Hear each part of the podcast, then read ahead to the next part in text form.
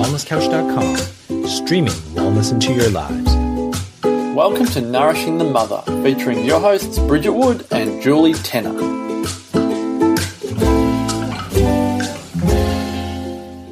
Hello and welcome to Nourishing the Mother. I'm Bridget Wood. And I'm Julie Tenner. And before we get going on today's Sex in 15 Minutes Very Juicy podcast, we would just like to invite you to jump on to nourishingthemother.com.au and join our tribe. There's a quick little form to just fill out your name and email address on there to get a once a week love letter from us where we talk to you about what's happened in the week of Nourishing the Mother. We give you links to all the blogs and podcasts and what they were about in case you're interested in reading them and you didn't get to see them flash up on your Facebook feed or something. And often a juicy story from something that we've had insight or awareness of during our week. Mm. So if you would love to continue to facilitate your learning on a week to week basis outside the podcast, then certainly join our tribe for a weekly email. Mm. So, on to today's podcast, Sex in 15 Minutes. The reason we're doing this is because well, it's been a while since we've done a sexuality sensuality podcast, and it is often at the core of so many of our discussions in our Loathing to Loving tribe mm. and certainly mm. members only Facebook group that we continue to facilitate outside of our courses.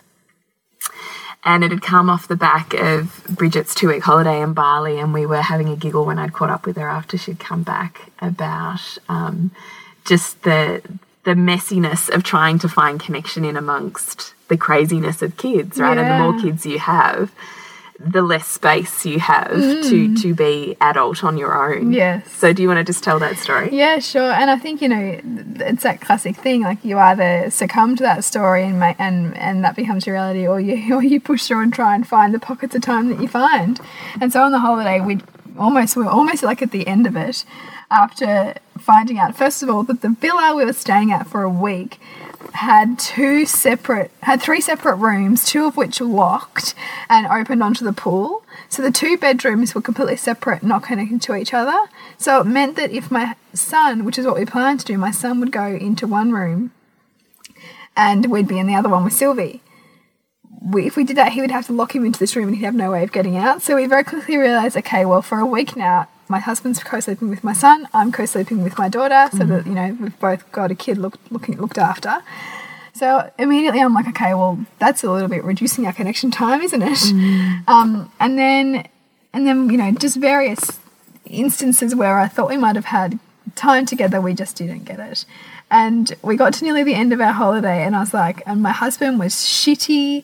You know, at one point I could hear. At one point he said to my son, and we're in this most idyllic spot, and he's like, we're supposed, it's supposed to be peaceful and you're just being difficult. Like to my son, I'm thinking, oh man, like your buttons are pushed. And I could tell he was so sexually frustrated because it was just this pent up thing. And so I'm like, right, I've just got to create space for this. So I said to mum, mum, can you take the kids? Because my mum was staying with us at this point. Mum, can you take the kids for a 20 minute walk? did you really say for a 20 minute walk? Yeah, did. did she know? I think she totally knew. At that point, I didn't give a shit anymore. I was just like, this is like for the good of myself and the good of my family and to nourish my husband, this has to happen. so I'm like, Mum, take them for a 20 minute walk. I think I said Marcus needs some connection time. Like I never ever speak sex, about sex with my mother. It's never really been something we've been able to talk about. But that's, that's really the extent of, the extent of. So how did she respond to you? She's like, yeah, sure. You know, my mum's great because she really wanted to come over, so she said Marcus and I could like go out for dinner or we could have some time together. It didn't happen because Sylvie was just so attached to the boob over there because it's just so hot and it's a yeah. comfort thing. So we never got an opportunity to go out for dinner. So my mum was like, you know, jumping at the chance to help out in that way. And so she goes, and then, you know, we kind of start on our way. And my husband, I think, is just was just so grateful at that point that I'd made the space for it because he was kind of just going to get over it and just get on with things. But I knew like his he would not be pleasant to be around. And did you have wantings in your body as well? Not particularly. No. Mm. So that's a really interesting thought process then. It um, is, yeah, and it is. And, and it's funny one because it would have been something that I might have like questioned or not been okay with at one point. But because particularly from your feminist background. Yeah, from my feminist background I would have been like, I don't feel like it, therefore why should I? But I'm also aware that like with the intensity of which I'm breastfeeding at the moment, it, it, it takes a lot of work for me to work up the feelings within my body to want that mm. because I'm already so touched by my baby and I've already got all those kind of similar hormones going through my body. So there's not the necessarily ravenous need to get that from my husband. Mm. Mm. Plus, I was getting enormous connection and love and alignment with him through seeing him as a father and a man on a holiday. Like, so I was already feeling connected with him in other ways. I didn't need that, but I knew that that his form of connection is that way. That, that that's what he needs. Um, and so, with all of the work that I've done on myself and understanding sensuality and sexuality and and the masculine, I really wanted to give that to him. You know, so even though it wasn't something that I could that I was feeling within my body, it was something that I felt within my heart I wanted to do And why? What's the wanting to do that? because I want to give him, I want to communicate with him and his values, and I want to help him feel nourished. And part of him feeling that is to feel connected to me physically. Um, as simple as that. And I knew that that was a service to him that I wanted to give him. Um, and it, I, I guess it could, if you are kind of with that, you know, classical feminist background, it might sound like you know you're giving of your body when you don't feel like it. Um, but I also know how much our bodies are responding to our minds all the time, and I, and I also knew, and I've known with the work that I've done to shift my fertility, to shift all kinds of things within my body that that simply placing the intention within my mind about what I wanted to create, I knew my body would follow, and it did. But so so I set this up, and you know he was like, you know, totally on board, and we're about to get down to business, and then we hear the fucking housekeeper. like talk about resistance. and I'm like, fuck, can't we get any privacy? and it was just like seriously, like it was the most beautiful place we were staying at. You know, it had like an outdoor shower, outdoor bath, and it had like this pond with all these fish in there and like all outdoors. But like secluded. I said to Marcus, just tell them not to come in here. And so we like closed this door. Marcus like, but it's opaque. They could see. I'm like, I don't really give a shit. I don't care right now. The clock's ticking. Mum's gonna be back soon. so you can see how you know sensual and seductive and like you know, like this would have been. I would have right? thought though, just to be able to do that has taken you a level of growth to get there. Oh yeah, it has definitely. Yeah, it's funny though, right? Because when I was about nineteen or twenty, no, no, even younger. Sorry, sixteen or seventeen.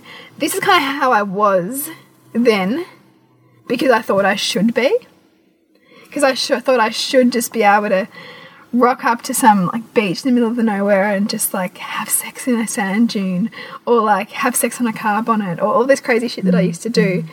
But that didn't feel authentic to me. It was what I thought I should do. And I dare say there's a level of that not feeling safe. So you're forcing yourself through Yeah. something that you still actually care about. Whereas what I'm hearing from you now is I literally don't care. Yeah, that's Yeah. right. So, I mean, that's a literally- yeah, transformation. Literally don't care. Like Yeah. they can see me naked, and I'm like enormously comfortable with my body now. I don't care who sees me naked. Like whatever. Where do you think that's come from? Um, probably becoming a mother. Probably having a rev- deep reverence for my body and what it's capable of. Mm. Um, you know, I posted on Instagram a while ago like how I feel about my breasts now, whereas you know they were a a source great of such pain for me for so long. Um, you know, even probably the area that I'm most anxious about now would be my stomach because of my muscle separation and all that kind of stuff. But even that, I'm just like, but it all has a story. I don't um, have an issue with it. And I think that so much of the shroud around nakedness comes from my story, like comes from my staunchly Catholic lineage, which is just shut down. And it's just a story. Like, you know, I grew up with kid, with friends whose parents were naked around the house, and that was a naked house. And like, I know how comfortable they are in their bodies because of that. Mm. So I know how much I want my children to to be comfortable in their bodies. Therefore, there needs to be I need to display more of that within myself, which is which is what mm. I'm doing, and I guess which is what is getting me to the level of being okay with if I get caught naked. You know, mm. like it's not. Is those small steps in becoming more comfortable with just the nakedness Yeah, of the nakedness? nakedness. Yeah, that's right. And the not needing to shrink your shoulders, but just simply be. Um, yeah. So. So the cleaners are there. The You cleaners said are to shut the door, which is going to feel like funny and awkward. Yeah, yeah, yeah. But it, it kind of was funny and awkward, right? And it creates its own little, you know, like dynamic. And you know, that at that point, yeah, it didn't take long. You know, not long after we hear my mum come back.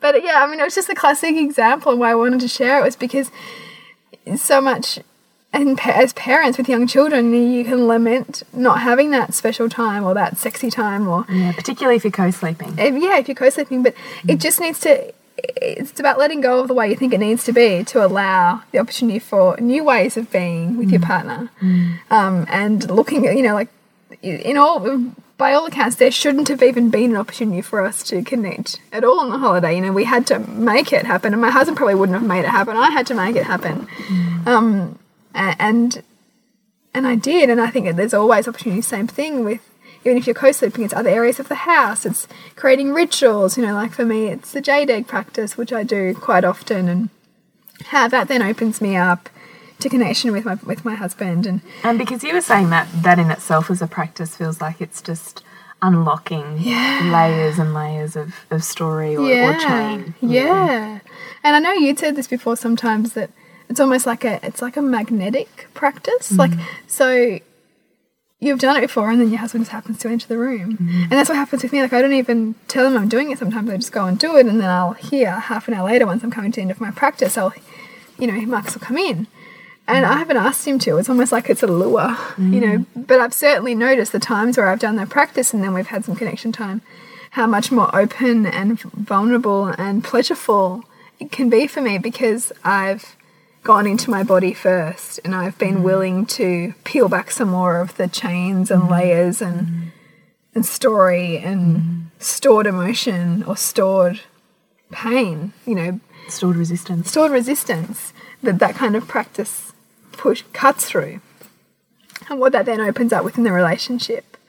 Because so much you know we, we so often project that it's our partner or or there's some outside influence that's, making it difficult for us to enter new levels of sensuality within ourselves but it's always us. Mm. And it's about being willing to transform that story within us so that the that the relationships around us can transform and come in come into a newer place you know or transformed place within us so that we can reach new levels of connection Absolutely. I think that's 100% what it's about. yeah That's why I always feel deeply sad when women um, joke about how bad their husbands want it and how bad they don't, or how horrendous their sex life is, or how lucky their husbands are they get it once a month, or whatever it is. Those sorts of, you know, those jokes. I'm sure any of you listening know those jokes because Yeah. they get bantered around all of the time And- and in just- any yeah. situation where there's a group of women. And I always feel desperately sad in those moments because I feel like there's no entering of there being another way of sitting in the discomfort or what that brings up for us, hmm. or that it, it isn't the status quo and doesn't need to be. Hmm. That in actual fact, it's, I would say, abnormal as opposed to normal.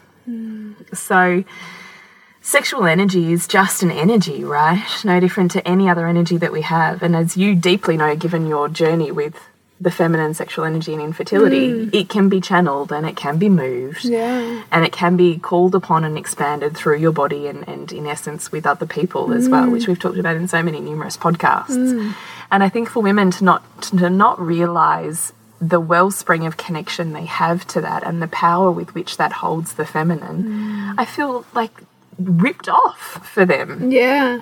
And I feel sad that they just feel like this is what it is, that somehow the orgasm they're having is as good as it's ever going to get, or the ones they're not having, hmm. or, you know, the giving over of their husband, of their bodies to their husband in, in service for what, you know, ultimately their husbands or partners are looking for, but not getting to the point of, of pleasure within that. Hmm. So, what I liked about your story was what I found really interesting about pleasure in general is that we, and I think we talked about this in one of our webinars on our members group, hmm. was that we assume that we're just going to say yes to pleasure.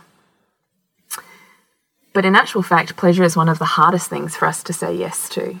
And more often than not, our immediate response to pleasure is a no because we're so culturally set up for it to not be safe or okay for us to be pleasureful beings. For us to say yes to what feels good for us above and beyond what we think we should be doing mm. or not doing.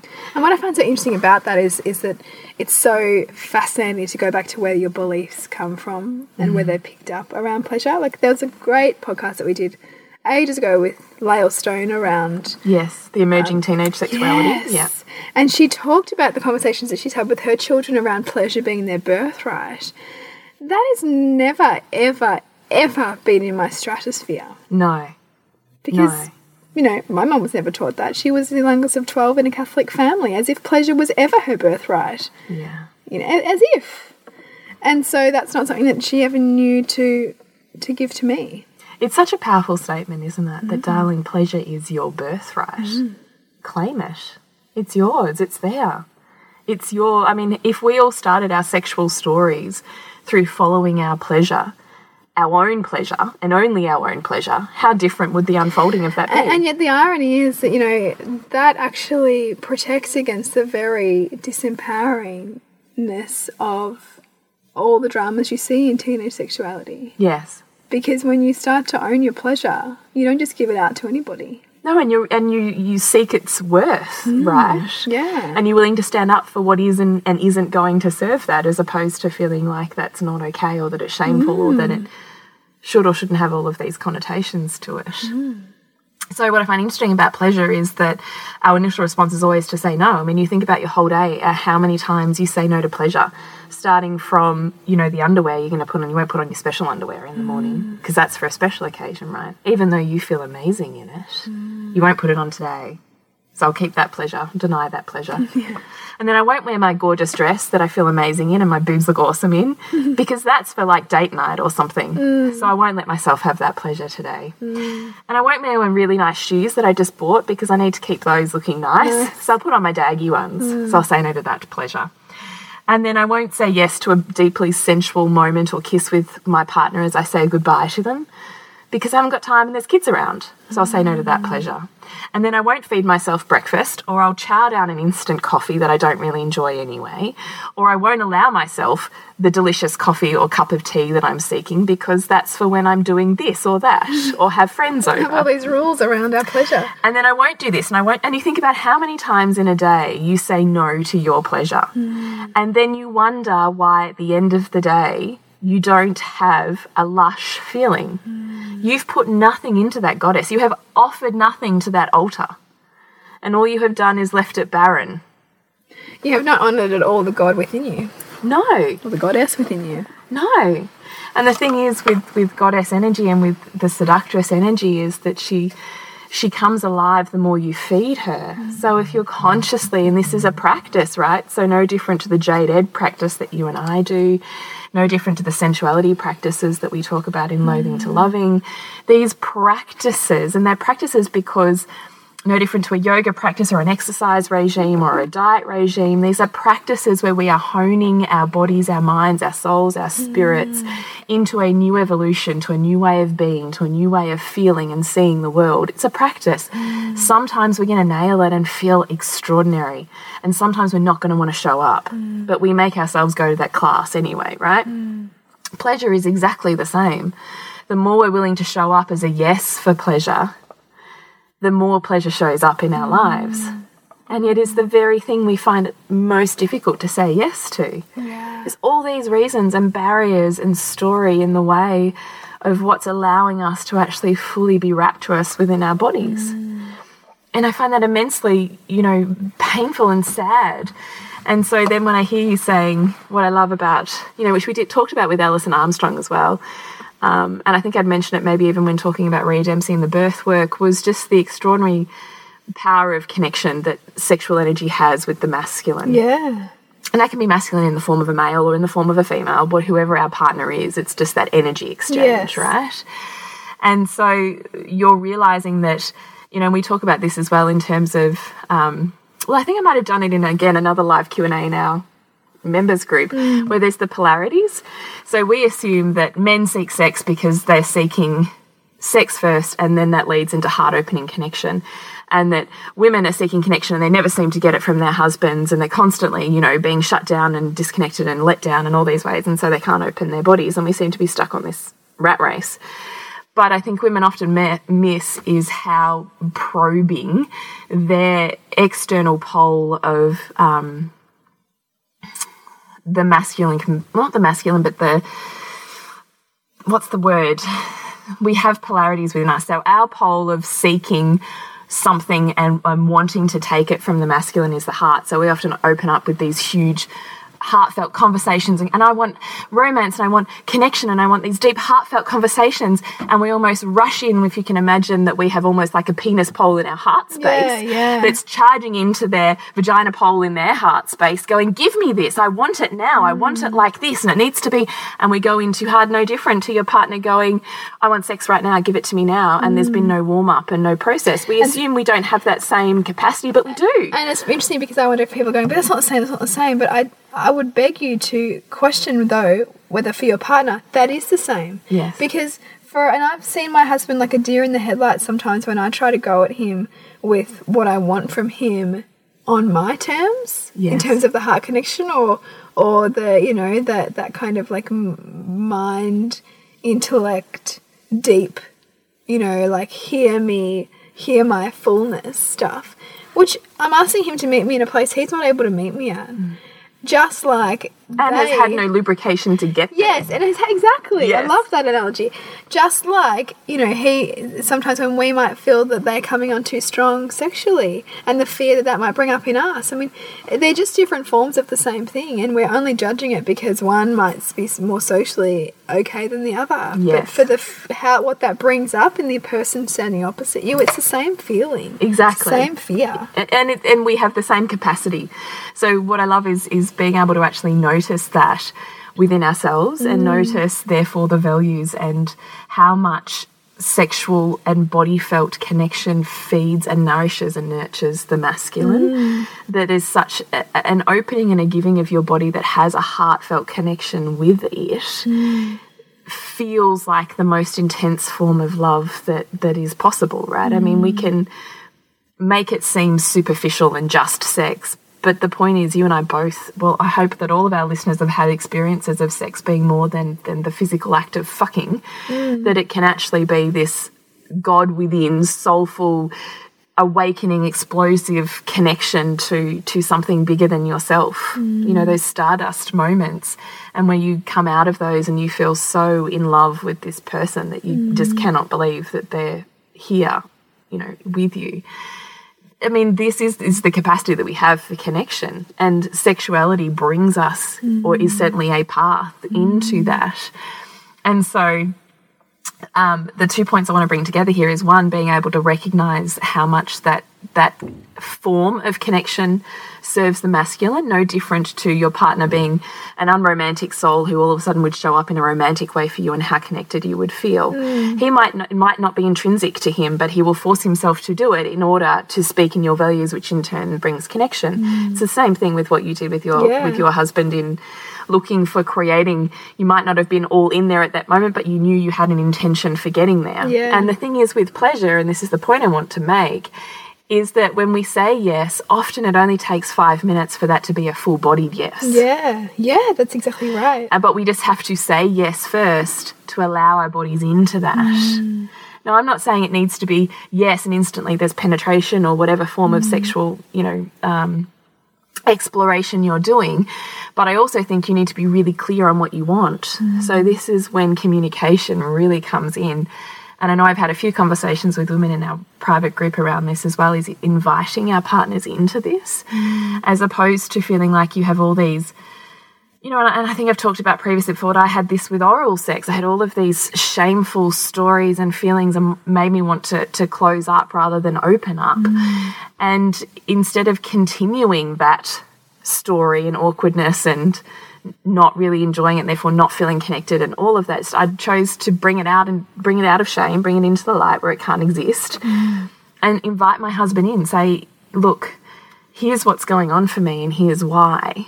And I really want it to be like this mm. with you, but I really need your help mm. to do that. So I'm allowing him in, I'm inviting him into this process of healing with me. It's just sexual healing as opposed to, you know, verbally having healing. Mm-hmm. But you have to be really clear on your boundaries. This is what I really need from you. And this is how I want it, and this is the pace I want it, and this is how fast, slow, soft, this is the exact touch that I'm looking for. Mm. And if I have a feeling of, of closure or shutdown or memory, I need to have a code word or a way of saying that to you where we can can communicate and we can go back to here and start again. And that's safe because I want to open up to you. I want this to be more extraordinary than where we're at now, but I really need your help to work through that. Mm.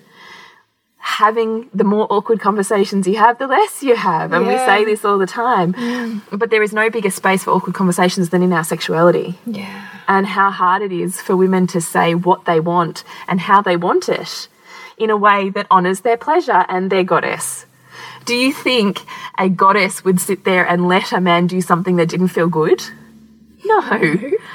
She's going to be going, no, here's here's what I want, here's what I'm deserving of, here's what I need you to do. And then she will awaken and open and mm. flourish. And the more you do that, the more you create, like you did with your story last week, just on making emotion and leaning into the emotion, being safe and creating more within yourself. Sexuality is the same. Mm. The more you create space for yourself to be held, and the more you allow someone into that, the more you open. The more pleasure that comes with the more openness you have.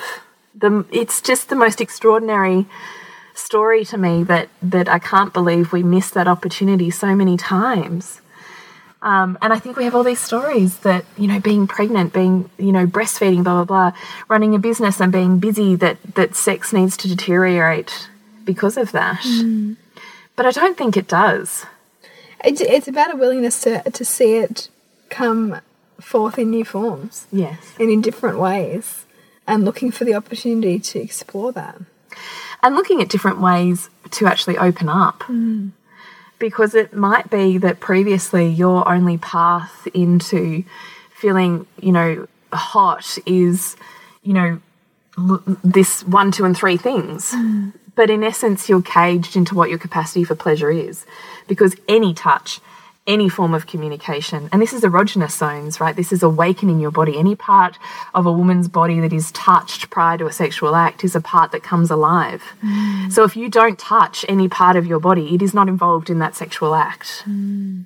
So considering what parts of your body you want to come alive is what parts do you need touched to be involved, excuse me, in that space. Because this is the way we work, this is how we connect to our bodies, how we get out of our head and into our body. And just having that information is did you did you know to my gorgeous partner, did you know that that whatever part of a woman's body you touch is, is more that's involved in that experience? And this is when you hear these crazy stories, right? Of in, I had an orgasm by my partner rubbing my elbow. It's because we can literally awaken our flesh to such an extent that everything feels electric.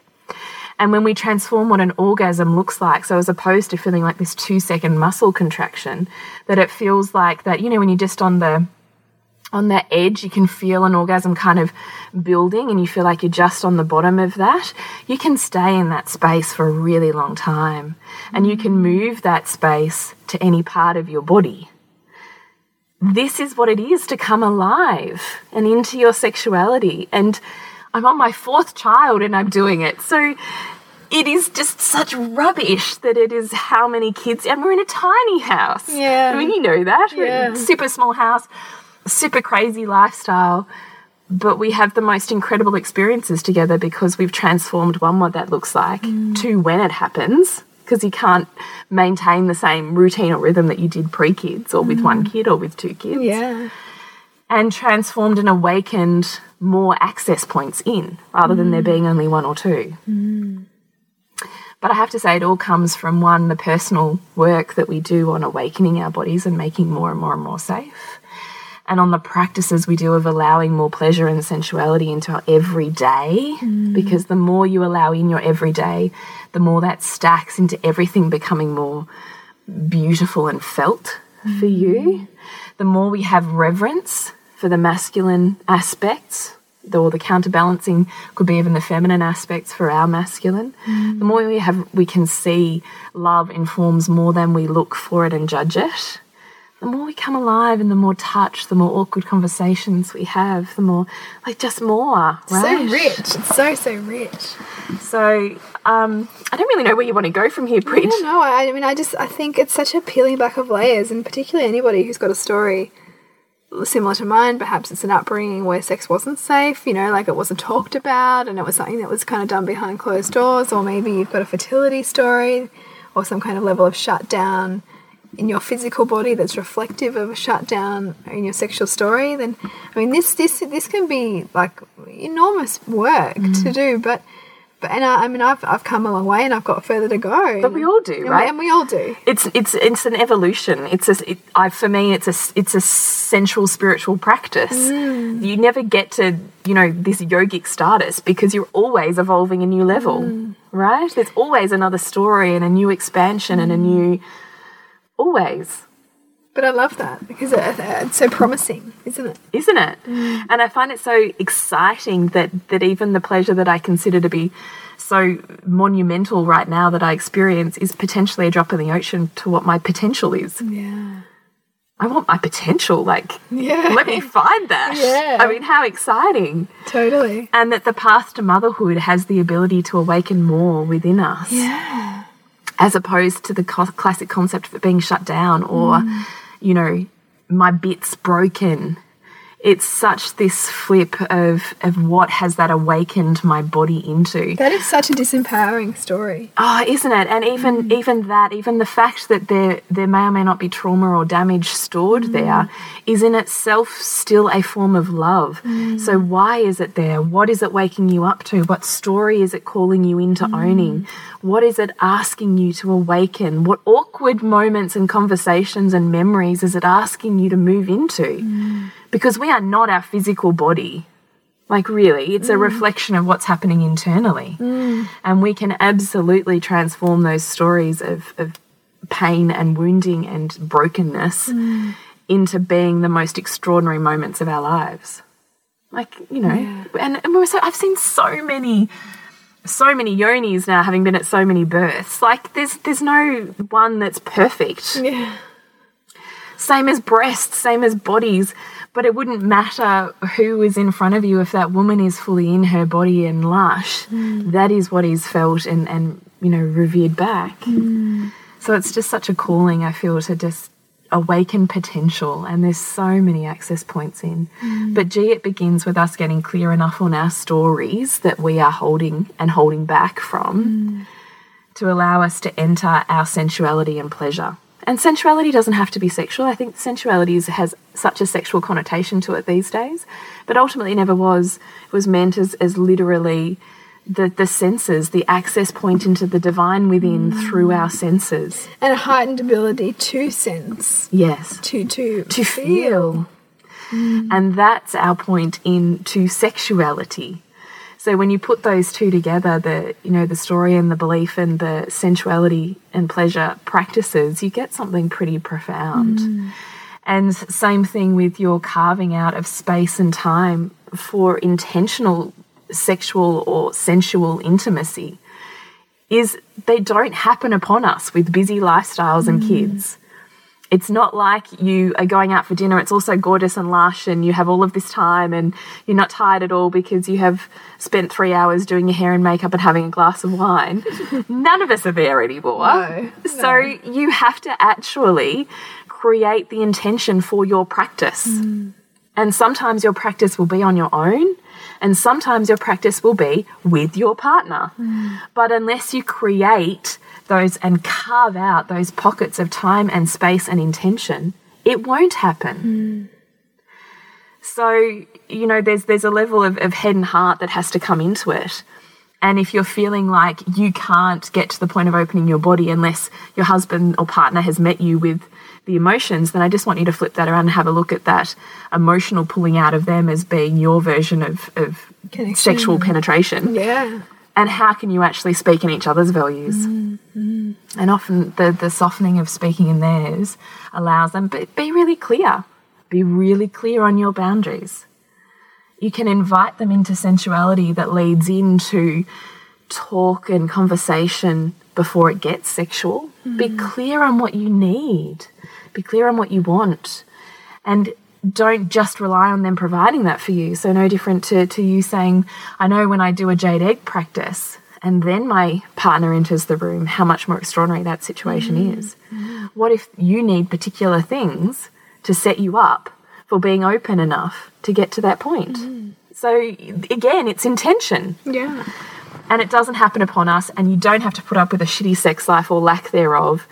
And you don't have to accept that the disconnection is because you have co sleeping, attached babies, children, multiples, Yeah. whatever. Yeah. You can absolutely create a different path if you're really willing to step into the awkwardness mm. and, you know, love your inner teenager for what they're wanting to show you, you know, or child. Big stuff. So, um, having left that space, we'll come just slightly back out of that and say we'd love for you to connect with us. Join our tribe on nourishingthemother.com.au. Have a look at Loathing to Loving on online programs on Nourishing the Mother. And we, I mean, and look, you know, one whole week of Loathing to loving, we dive into you know, Sensuality and sensuality pleasure. and pleasure, and it's a big, Yes, big topic. And with a live webinar as well. And then once you've joined one of our uh, courses, you then get members only access to our online community, which is having daily conversations around all of these deep, rich, meaningful moments in our lives. yeah, So, and we certainly love to continue that communication with you. So, please have a look at that. Please connect with us on Instagram and Facebook on Nourishing the Mother. And if you are really enjoying these podcasts, please share them, please rate them, please leave us a review on Facebook or iTunes. It really helps us and just puts back in to, to what we're trying to create here at Nourishing the Mother. it does. And to connect with you, Jules, Is thepleasurenutritionist.com and Newbridge. suburbansandcastles.com. And we'll see you next week when we continue to peel back the layers on your mothering journey. This has been a production of TheWellnessCouch.com. Check us out on Facebook and join in the conversation on Facebook.com forward slash The Wellness Couch. Subscribe to each show on iTunes and check us out on Twitter. The Wellness Couch, streaming wellness into your lives.